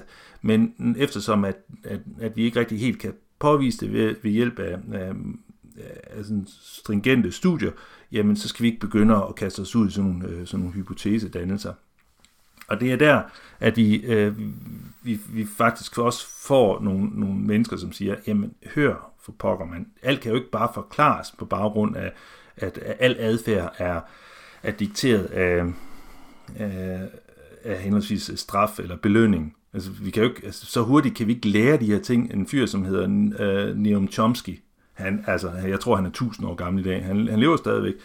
Han var sprogforsker, øh, og, og nu er han sådan polyhister, sådan en fyr, som, som kan alt muligt forskelligt. Ikke? Men altså, det han på et tidspunkt øh, sagde, det var, hvis vi nu kigger på sådan et øh, fuldstændig gennemsnitligt øh, seksårigt barn, i den vestlige verden, så har det her 6-årige barn altså det, det et ordforråd på altså 10.000 ord. Ikke? 10.000 ord. Og det, det er dig og mig og, og, og alle andre, altså i, 6-årsalderen. Øh, og for at nå at lære 10.000 ord, hvis man skulle være sådan meget radikal behaviorist, så skulle, altså, så skulle man jo straffes eller belønnes for hver gang, at man, man lærte et, øh, et ord korrekt. Men det kan man bare ikke, altså det kan man sgu ikke nå. Det svarer altså til, til fem nye ord om dagen fra den allerførste dag, man overhovedet eksisterer i verden. Så der må altså være noget i den her black box. Der må være en eller anden form for sproglig tilbøjelighed eller en evne, en eller anden form for modtagelighed for noget, for noget sprogligt. Så det nativistiske perspektiv kan støtte Chomsky i det, han siger, at vi har altså, altså efter al sandsynlighed, og det viser jo helt moderne øh, hjerneskanning også, at at vi har altså et anlæg for, for, for sproglighed. Der er altså noget i The Black Box, og en, øh, en, en, en gut, som også kommer og øh, siger, at det, altså, der er altså andre kræfter på spil, når det kommer til sådan noget med at lære noget, at det, det at udvikle adfærd, så, så, så er det Albert Bandura, som introducerer begrebet øh, social learning. Og det er altså fedt, og det, altså, det er meget, meget interessant. Hvad er, det, hvad er det, der gør, at man som Øh, at man ser drengen stå og stå sammen med, med sin far inde på badeværelset, og han øh, og øh, drengen kigger med stor beundring på faren, der, øh, altså der med øvede hænder øh, skummer, øh, skummer ansigtet ind i, i barberskum og, og, og tager en hyldende skarp kniv og, og, og, og barberer sig, at, øh, at, det her, at den her dreng øh, så efterfølgende øh, øh, smører hele pæren ind i, øh, i, i flødeskum og, og, og, og forsøger at, at gøre noget tilsvarende. Øh, så der er altså noget, som, som barnet alene i kraft af at overvære øh, en, en anden øh, tager til sig, altså lader sig inspirere af, imitere på en eller anden måde, og der er, øh, altså, du har øh, set øh, din mor stavre rundt i hendes øh, øh, altså, øh, højhælede sko, og, øh, og, og, og selvom at, at dine fødder slet ikke har kunne passe hendes sko, så har du formentlig øh, alligevel øh, stukket dine, dine små øh, øh, pigefødder ned i, i hendes sko, og har forsøgt at gøre øh, noget tilsvarende. Hvorfor? Ja, ikke fordi, at det er et maligt fodtøj, men fordi, at det er noget, du igennem den sociale kontakt, som du har med, din, med dine primære voksne, øh, er, blevet, er blevet inspireret til, til at gøre. Og Social learning ser vi i alle mulige forskellige øh, øh, øh aspekter, øh, og det kan godt være, at vi bruger vores, øh, vores teenageår øh, på at være sådan skarp og alvorlig, og måske nogle gange også sådan nærmest militant opposition til vores forældre. Men, men der er altså noget, som, som, som, er, som er stærkt i, i, i den her øh, sociale læring, som gør, at vi sådan tuber tilbage øh, øh, efter at, øh, at, øh, at alt teenage hormongassen den er, den er brændt af, øh, så, så minder vi sgu på paradoxal vis alligevel øh, på mange områder om vores, øh, om vores forældre, forældre. Vi har lært altså noget, noget, noget, nogle, nogle værdier, noget norm, noget moral, nogle, altså nogle praksisformer, som, som er blevet os overdraget. Og det er muligt, at at, at noget af det, det kan være kodet i øh, sådan genetisk, øh, at, at vi har måske, og det er meget spekulativt det her, måske har vi vores politiske orientering i en vis udstrækning øh, allerede kodet ned i vores DNA, men det er måske lidt nemmere at kunne forsvare, at det er øh, nogle, øh, nogle, nogle værdier eller nogle, nogle livssyn, som vi har, har, altså, har hjemmefra, fordi at vi har set det igennem vores opvækst. Og hver Friday Knight med øh, en, sær, en særlig hang for, for, øh, for fodboldsport.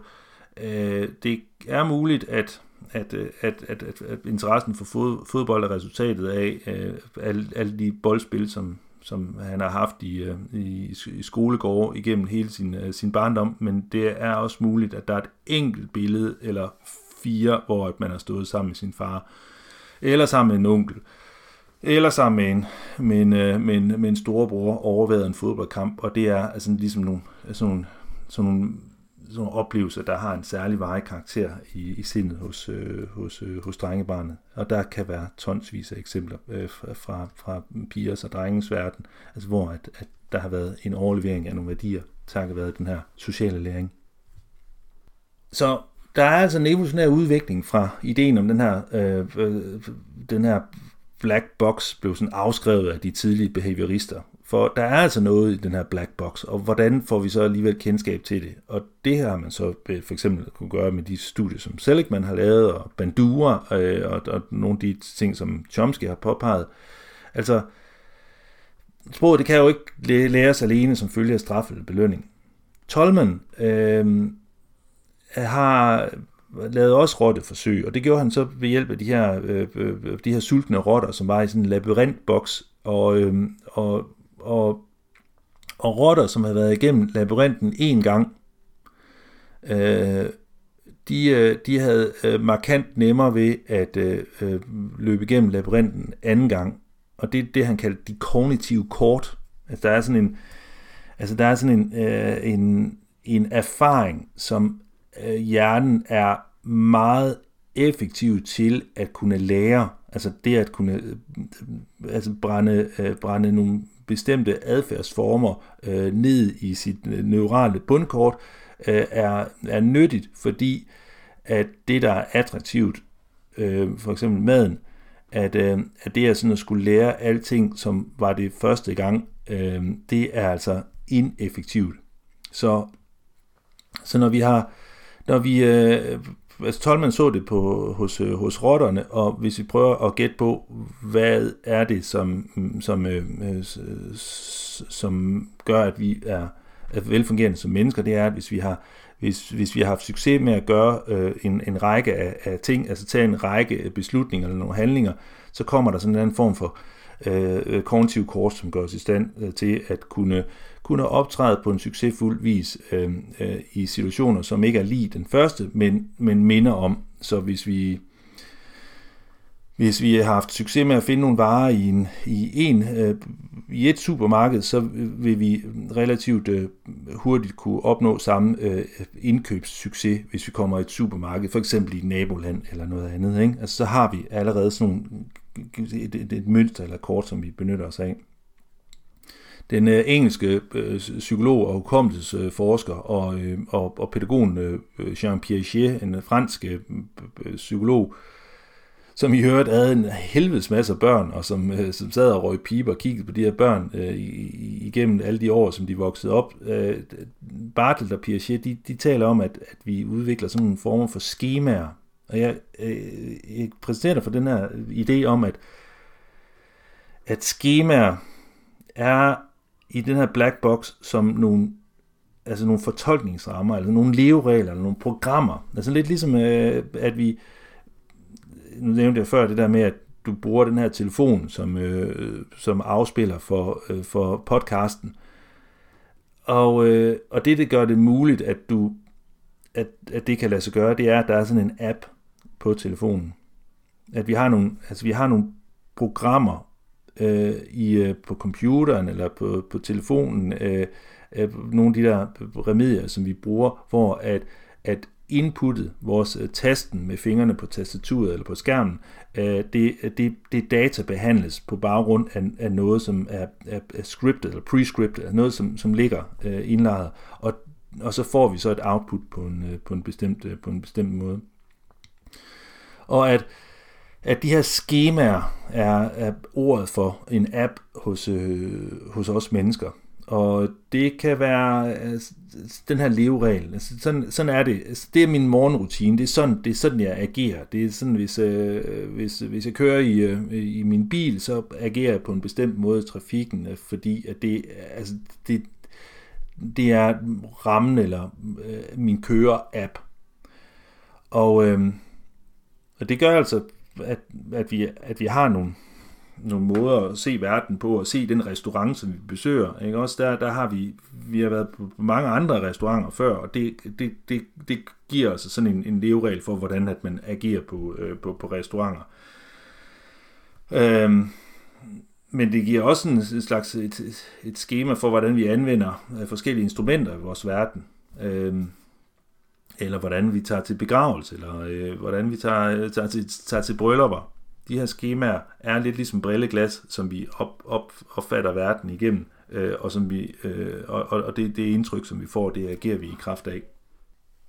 Som afsæt for den, øh, den følgende kognitive terapi, altså den terapiform, som er øh, jamen, som bygger på øh, kognitiv, øh, kognitionsvidenskab, kognitiv psykologi, øh, der er det, at de her øh, 12-mands øh, kognitive kort, det her med at øh, have sådan en, en, en meget hurtig vej til at erkende, øh, eller ikke erkende, men altså en meget øh, dyb forståelse af, øh, hvilken, altså, hvilket udfald øh, det får, hvis man vælger de og de, den række af, af, af valg, øh, og, og, og Bartels og Piagets skemaer, som de her fortolkningsrammer eller leveregler, eller i byggende, øh, indbygget og intuitive programmer. Så kommer Aaron T. Beck øh, med, øh, med, med, med, med sine teorier om de her øh, basale grundantagelser, som at der er en eller anden øh, form for, for, for, for forventning om, at noget er øh, negativt, og derved så bliver alle nye indtryk tolket i den ramme også, ikke også? Altså igennem det brilleglas, øh, og, og som, som grundlag for for eksempel depression og andet, så er de basale grundantagelser, det er, at jeg er ikke noget værd, og andre synes også, at jeg er en idiot. Så er det sådan, at den, at, at, at, at den tolkning, det filter, den, den, det spor, som allerede er lagt, så vil alle øh, input, altså alle nye øh, erfaringer, hver, hver gang, at der er en, der ikke straks hilser øh, på en, når, når, når man ser hinanden, øh, så vil det bekræfte ens basale grundantagelser, og på den måde konsolidere en, øh, et, øh, et, et negativt schema, eller en, en negativ basal grundantagelse og konsolidere den, øh, den opfattelse. Og det er altså noget af det, der danner grundlag for den, den kognitive terapi, at det er at øh, øh opnå en eller anden form for indsigt eller forståelse for, øh, hvordan er det er fat. Se, der er også en, en del af, af, af baggrunden for øh, den kognitive videnskab i dag, øh, kognitionsvidenskaben, og det er, det, det, det, det er jo en, en tysk bevægelse, nogle øh, gestalt øh, gestaltpsykologer. Øh, og gestalt, det er at, at, sammenfatte en helhed på baggrund af fragmenter. Og, og ved hvad, tag lige og, og, og søg øh, gestaltpsykologi og, og se nogle af de fuldstændig fantastiske eksempler, øh, som, som man har udviklet for egentlig at kunne dokumentere, at det er sådan fat. Og, og, og det kan også ses i et evolutionært øh, perspektiv, at, at det at kunne se øh, sådan, øh, jamen altså, at dele at et omrids af, af dyr, selvom at det dyr det ligger i, i, i skjul af, af grene og blade og strå og, og træstammer, så, øh, så, er det jo en, så er det jo en, en ret fordelagtig evne at være i besiddelse af, at kunne sige, at selvom, selvom det kun er, er, er virkelig, virkelig få procent af et dyrs omrids, jeg kan se, så kan jeg godt se, at det er et, et stort dyr, der, der ligger og snidig og, og, og bare venter på øh, det rette øjeblik til at øh, angribe en. Øh, og og, og, og de, disse elementer med at øh, kunne sammenstykke øh, ting, det er altså meget velbeskrevet øh, på baggrund af det, og må ikke, at det øh, øh, også siden er blevet stærkt, øh, stærkt understreget og forstærket i de mange øh, studier, som er inden for den kognitive, kognitive videnskab, og det er det. Så altså, der er altså meget andet end straf og belønning, som kan forklare tilladt adfærd, og den adfærd, som øh, er grundlag for vores øh, handlinger. Med andre ord, så er der altså ting i den sorte boks, og vi øh, kan altså godt øh, øh, øh, finde, øh, finde vej øh, derind. Og som sagt, vi finder vej derind ved hjælp af øh, mange studier, eksperimenter, forsøg, øh, som både er, foregår øh, in natura, altså i felten, eller øh, sådan i øh, laboratoriesettings.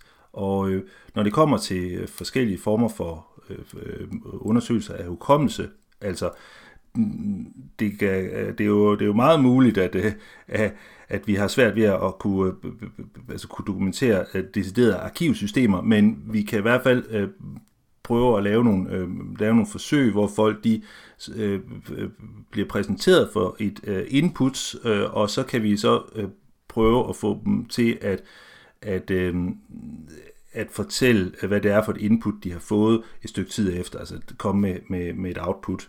Og det er, det er blandt andet hukommelsesforskning, og det ene er, at vi kan ramse en uh, talrække op, og så bede folk om at repetere uh, talrækken umiddelbart bagefter. Der er typisk, øh, man kan repetere umiddelbart efter en, øh, en 6 til, til 7 øh, tilfældige udvalgte bogstaver i række, øh, øh tal i rækkefølge, øh, og, øh, og, og hvis man venter en dag eller to, så falder det jo så øh, meget drastisk, og jeg kan ikke huske de nøjagtige tal. Øh, hvis du har alt for meget tid, som du ikke ved, hvad du skal bruge til, jamen så kan du bare øh, give dig til at øve, øve, øh, øve på dig selv eller øh, inddrage en sagsløs, som du, øh, som du selvfølgelig er i familie med. Hvordan er det, vi får øh, input til at konsolideres i, øh, i hukommelsen? Altså vi har stimuli fra omverdenen, og det kan jo for eksempel være en, en, en, en talrække, men det kan jo også være øh, øh ting, som vi har set på, på vores vej. Og der er der en, en, en sensorisk hukommelse, altså en meget øh, udenbar hukommelse. Det, det, er, det er i hvert fald et bud på, at vi har sådan en slags et, et før hukommelsesområde, hvor at det, hvor vi, hvor vi nærmest bare kan, kan spejle det, der er blevet, øh, der er blevet sagt, eller som vi skal, skal vi huske. Øhm, når det kommer over tærsklen for den sensoriske hukommelse, så, så bevarer det sig i en øh, såkaldt korttidshukommelse. Og det skal altså lige siges, at det er nogle kategorier, som vi forsøger at illustrere øh, hukommelsessystemets opbygning på, for det er altså ikke noget, hvor vi, hvor vi i dissekering og, og i øh, ej heller hjernescanninger kan sige, det er lige præcis den her det er den her ventil, eller det er den her rem, eller det er den her øh, håndgribelige komponent. Altså, de her opdelinger i, øh, i sensorisk hukommelse og korttidshukommelse, som så ideelt set øh, bringer nogle af de her informationer, som vi har fået som input, øh, ned i en langtidshukommelse, det vil sige sådan et varigt øh, arkivsystem. Altså det er jo, det er jo en måde at konceptualisere øh, øh, hukommelsesprocesserne på. Øh, og, og, og det gør det så også øh, muligt for os i, i, i en eller anden forstand at, at designe et, et form for læringsmiljø, øh, snarere end det er sådan, at vi øh, kan skifte ventilen, kileremmen, øh, komponenten, ikke også? Fordi det er, altså det er i hvert fald ikke, øh, det, det er i hvert fald hidtil ikke, øh, ikke muligt at, at gøre det så, så stringent. Men altså bare lige tilbage til noget, nogle af de her hukommelsesbud, som, som der er, og der er mange andre, det skal du være helt forvisset om. Øh, hukommelsesforskning er kæmpestort og sindssygt interessant øh, område. Jeg kan lige ganske kort indskyde her. At hvis vi tror, at hukommelsen den er en, øh, altså en gengivelse af faktiske erfaringer fra, fra fortiden, så må du tro om igen, desværre. Øh, fordi at vi, øh, vi har jo i tonsvis, talrige øh, forsøg tydeligt kunne dokumentere, at vores erindring, også uagtet det, at vi er klippefast overvist om, at det vi husker, det er sandt i forholdet en til en, så er det ikke korrekt. Vores erindring om, hvad der er sket, på trods af den her helt tydelige, altså, altså helt tydelige følelse af, at det er sandt, så, øh, så er den produkt af nogle, øh, nogle dynamiske forhold. Altså der er en, en form for rekonstruktion af vores erindring, som er, som er helt eminent, og det, øh, det, det, det kan du altså med, med stor gavn øh, studere nærmere. Og øh, dem at der øh, har interesse i at arbejde inden for eksempelvis området med, med, med afhøringer, øh, så er så er den her erindring, hukommelsen, den er så svigefuld og altså super sensitiv for påvirkning alle mulige øh, steder, og nogle af de eksperimenter, der blev lavet for at dokumentere det, de er geniale. Så hukommelsesforskning, øh, tjek det lige ud. Øh, øh, blandt andet er der et eksempel, som, som du kan give dig til at, at, at læse om, eller se på YouTube, uh, Lost in the Mall, altså, øh, øh, hvad hedder sådan noget, Lost in, Lost, det er, at hvis du ikke kan finde dine forældre i et indkøbscenter, Lost in the Mall, det er et, øh, et af de mange studier, der er lavet i, hvor, hvor, hvor, hvor elastisk vores hukommelse den er. Men altså en traditionel udgave af, hvordan hukommelsesopbygningen er, ikke? at vi har en, et stimuli fra omverdenen. Det kan være, at det er en, det er en lærer, som, øh, som, som bræger op om alt mulig viden. Ikke? Og så vil du, bliver du spurgt om, øh, hvad, hvad den her lærer har sagt. Lige umiddelbart, så kan du næsten ordret øh, gengive det. Øh, og så går der ikke øh, lang tid, så er det sådan, at du, du har øh, tykket inputtene igennem, og så har du læret din øh, korttidsudkommelse, så vil du altså godt kunne altså gengive det senere, senere i dag, hvis, hvis din kæreste spørger dig, hvad, hvad, hvad, har du, hvad har du gået og hørt på i dag? Øhm, men øh, i morgen, eller næste uge, eller ja, om måneds tid, så, så er det ikke sikkert, at der er meget af det, som jeg har øh, ævlet og bævlet om her i, i løbet af de her øh, øh, ja, altså små to timer snart, øh, at, det, at det hele det her egentlig har sat sig. Det første spørgsmål om de der fragmenter, at det, der, som jeg har sagt, at det bliver læret i langtidsudkommelsen, det øger i hvert fald chancen for, at det bliver læret i langtidsudkommelsen, hvis, hvis det, som jeg har sagt, bliver repeteret. Og så kan jeg så bare henvise til, at du kan jo du kan give dig til at læse, øh, læse bogen, eller diskutere øh, pointerne med, med dine øh, studiekammerater eller andre. Bring det, øh, bring det frem som et emne til, øh, til middagen eller andet. Så hele repetitionen i, i, i, den, i, altså i, i de her stimuli, altså den her undervisnings, øh, det her undervisningsindhold, øh, i, øh, imens den er frisk i korttidshukommelsen, er, i hvert fald, er der i hvert fald noget, der tyder på, at det vil øge konsolideringen øh, i langtidshukommelsen. Men igen, det er nogle bud, men ikke desto mindre er det nogle bud, som, øh, som danner, øh, altså designer måder, at vi øh, indretter undervisningssystemet øh, på så at der bliver noget, der, præsent, der bliver præsenteret, og så bliver det øvet øh, igen, og, og det bliver med det nye danske ord genbesøgt. Som sagt, så er de her måder at tænke øh, den menneskelige hjerne på, øh, de her, det er både den, den, den, den, den strukturalistiske måde, at, at jeg kan godt huske det er tredje ben i, øh, i kognitionsvidenskab, Øh, Øh, det her med at tænke på det i, i, øh, i moduler og elementer. Og også at tænke på, at det på en eller anden måde er, er nyttigt, som, øh, øh, som den funktionalistiske tradition øh, taler meget om. Øh, der, øh, der har vi øh, nytten af, øh, at, at vi kan kategorisere for, at de her komponenter. Og når vi har kunne, øh, kunne kategorisere øh, komponenterne og, og, og, og set, hvad de er nyttige til, så går, går forskerne ellers i gang med at lave nogle, nogle instrumenter til at kunne, øh, jamen altså kunne øh, belyse, hvordan komponenterne fungerer hos den, den enkelte og adskille dem fra hinanden. Og blandt andet, øh, ja, der er jo øh, utvivlsomt en del af jer, der, der kommer til at arbejde med børn, eller allerede gør det, og som, øh, som enten er i selv, eller har vidne om øh, nogen, der, der er blevet det, eller øh, kommer i, øh, i fremtiden til det, og møde sådan nogle øh, øh, kognitionstest. Blandt andet er øh, inden for børneområdet den test, som hedder VISK, som står for øh, designeren af testen veksler øh, Uh, intelligence uh, Scale for Children, og det er det VISC, det står for W-I-S-C. Uh, øhm, og der er også en, en voksen udgave, som kaldes Weiss Wechslers Adult Intelligence Scale. Og øh, selvom der det der ord intelligence, det sådan lyser øh, klart i, i, i titlen på, på testen, så består testen faktisk af af, af fire hovedområder inden for øh, kognition, som bliver, øh, som bliver isoleret i testen. Øh, og, og de her fire øh, hovedområder af kognitiv øh, øh grundfunktioner, altså henholdsvis øh, vores, øh, vores øh, sproglige forståelse,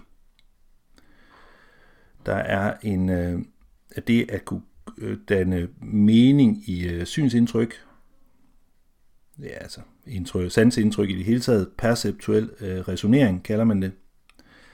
Og så er der en, øh, den her hukommelse, som jeg lige har talt om, altså working memory. Og, øh, og det er, altså, når vi er i, i, i færd med at beskæftige os med noget, af, i hvilken udstrækning er, at individet så i stand til at kunne, øh, kunne fastholde øh, informationer, imens man, øh, man, ar, man arbejder. og så også det, som vi kender så godt fra fra computer, og det med, altså, der, du skal nok, du skal nok øh, møde en enkelt, hvis du ikke selv er det, øh, som, øh, som taler om, at øh, nu er tiden inde til at få en ny computer, fordi at den, den gamle, den er simpelthen for langsom. Og det er jo altså øh, den her øh, processing speed, som vi øh, også øh, øh, bruger til at øh, kunne jamen altså, ja, beskrive mennesker, hvis vi anser dem for at være langsomme eller lynhurtige. Så det er nogle af de her øh, øh, kognitive funktioner, som er delt ud i, øh, i, i fire elementer. Og hvorfor kan det være, øh, hvorfor kan det være nyttigt at, at udskille de her fire elementer? Ja, det kan det, fordi at disse fire elementer øh, er, øh, er, er sådan nogle grundforudsætninger for at have øh, kunne få øh, øh, succes i øh, akademisk sammenhæng.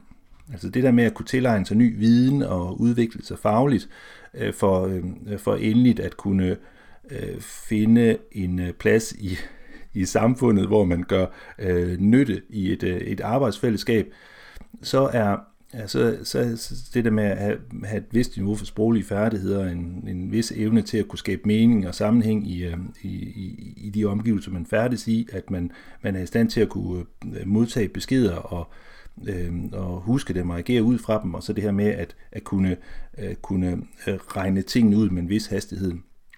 Det, det måler sig i den her test. Og, og, og hvis, hvis man i forbindelse med, at, øh, hvis man distribuerer den her øh, test til, til mennesker, så er det altså typisk, fordi den, den tager noget tid at gennemføre.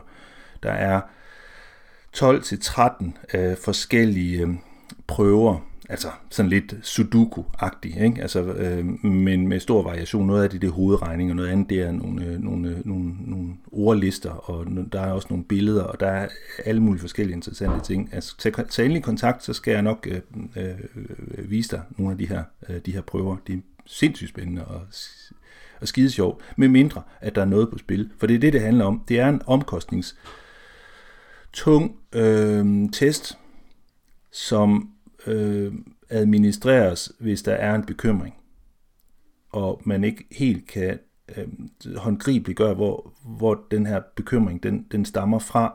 Og hvis et barn har en eller anden form for mistrivsel, så kan den her test jo så meget utvetydigt afsløre, øh, hvis, øh, hvis, øh, hvis, hvis barnet har nogle øh, meget mangelfulde færdigheder inden for et bestemt øh, kognitivt område. Og og, og, og tanken, og det er jo så desværre, hvis man er en lille bitte smule kynisk, ikke, så kan man måske nogle gange sige, at jamen, så har man i hvert fald kunne dokumentere, at vedkommende øh, ikke fungerer kognitivt, og så er man ligesom strandet der. Men øh, ideelt set, så skulle det jo gerne danne grundlag for, at man skræddersyr et skoletilbud til, øh, til det barn, altså den, den unge, øh, unge som, som har de her øh, mangelfulde færdigheder, kognitive styrker inden for nogle specifikke, om, specifikke områder, at man så skaber et, øh, et miljø, som er særligt velegnet til lige præcis øh, de her udfordringer, som den har.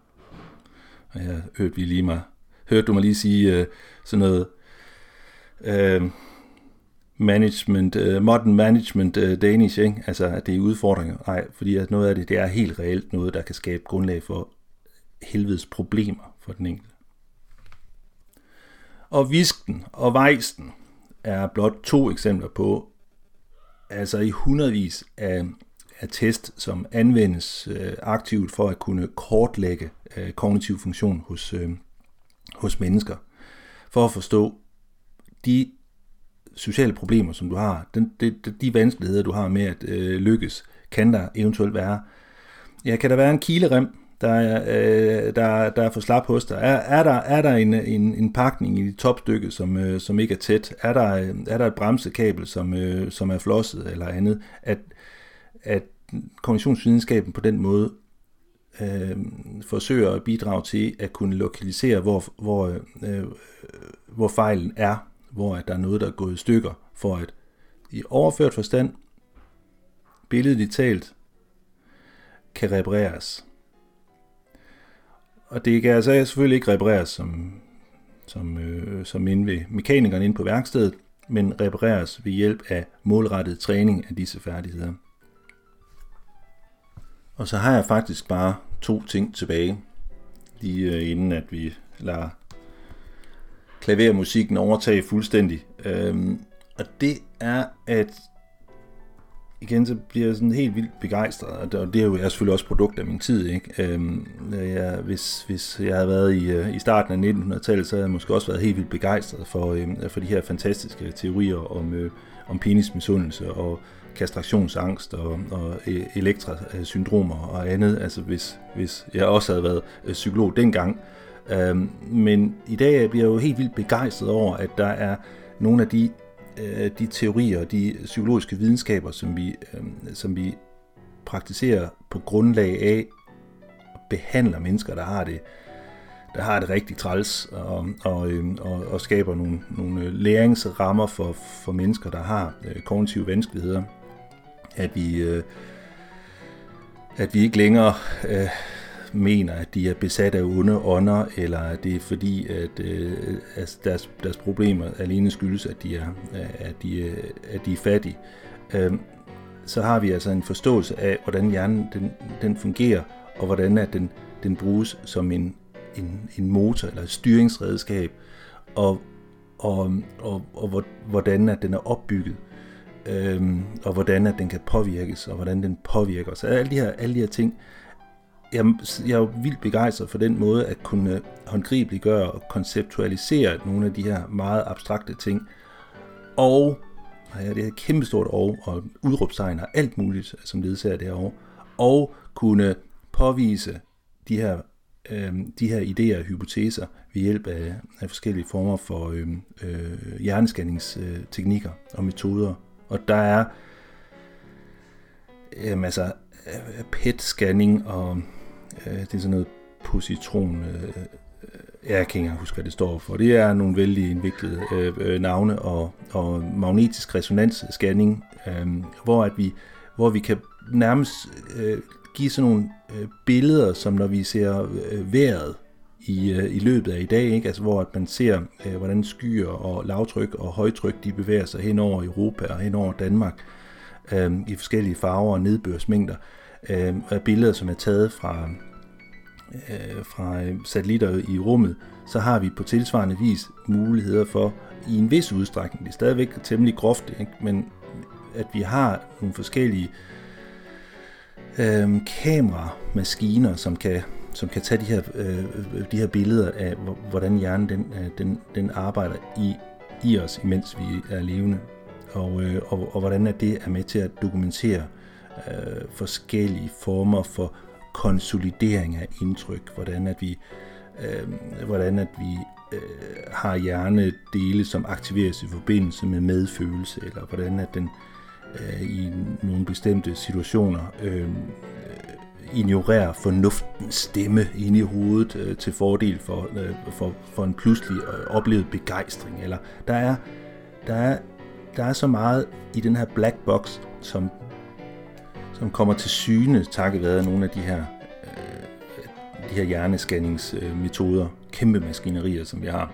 Øh, og jeg har haft øh, lejlighed til selv at være, øh, være forsøgskanin øh, i forbindelse med et eksperiment, og har altså på min væg derhjemme et, øh, et billede af min egen hjerne. Øh, og der er, der er heldigvis noget derinde, øh, selvom jeg nogle gange godt kan komme en smule i tvivl.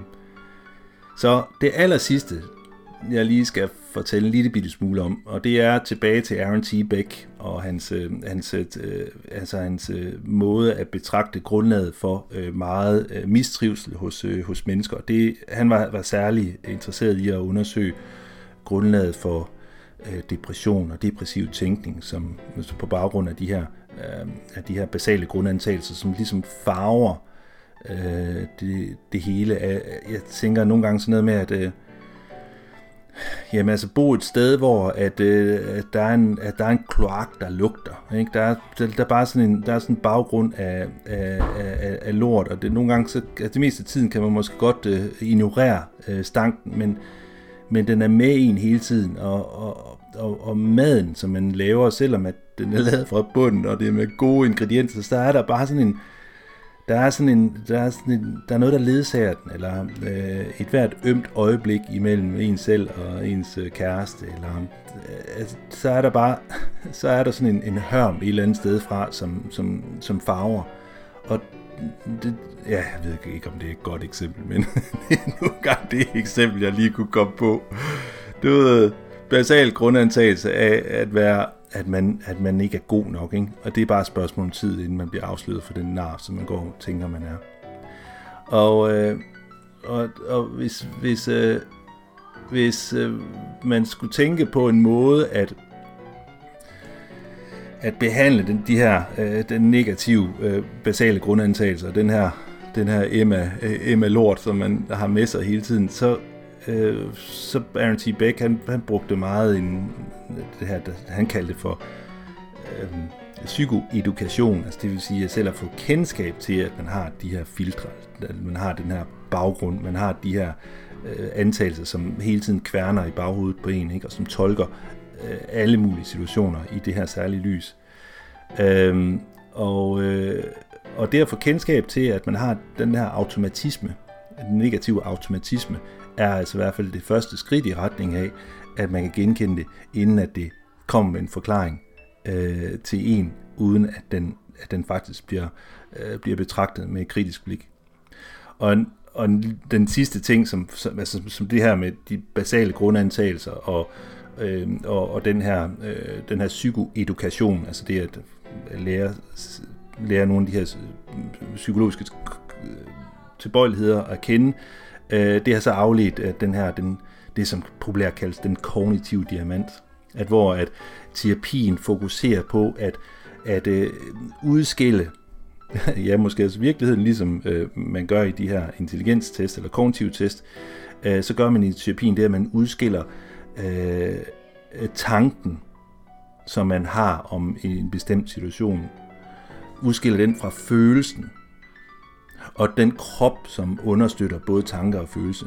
Altså, hvis man træder ind i, øh, ind i klassen, og, øh, og man ved, at man skal fremlægge noget, så kan tanken være, at de andre synes, at man... Øh, ej, jeg, jeg, jeg, jeg, jeg, jeg er helt sikker på, jeg er helt sikker på, at det her det ender, ender dårligt, og jeg, jeg, bliver, jeg, bliver, øh, jeg bliver udstillet som den tåbe, som jeg føler, jeg er. Og, og følelserne, som er i øjeblikket, når man tænker det her, det er altså, det er altså sådan en, en, en slags øh, skamfuldhed, måske en slags øh, flovhed, en slags angst, øh, og så har man ovenkøbet en krop, som akkompagnerer de to øvrige instrumenter.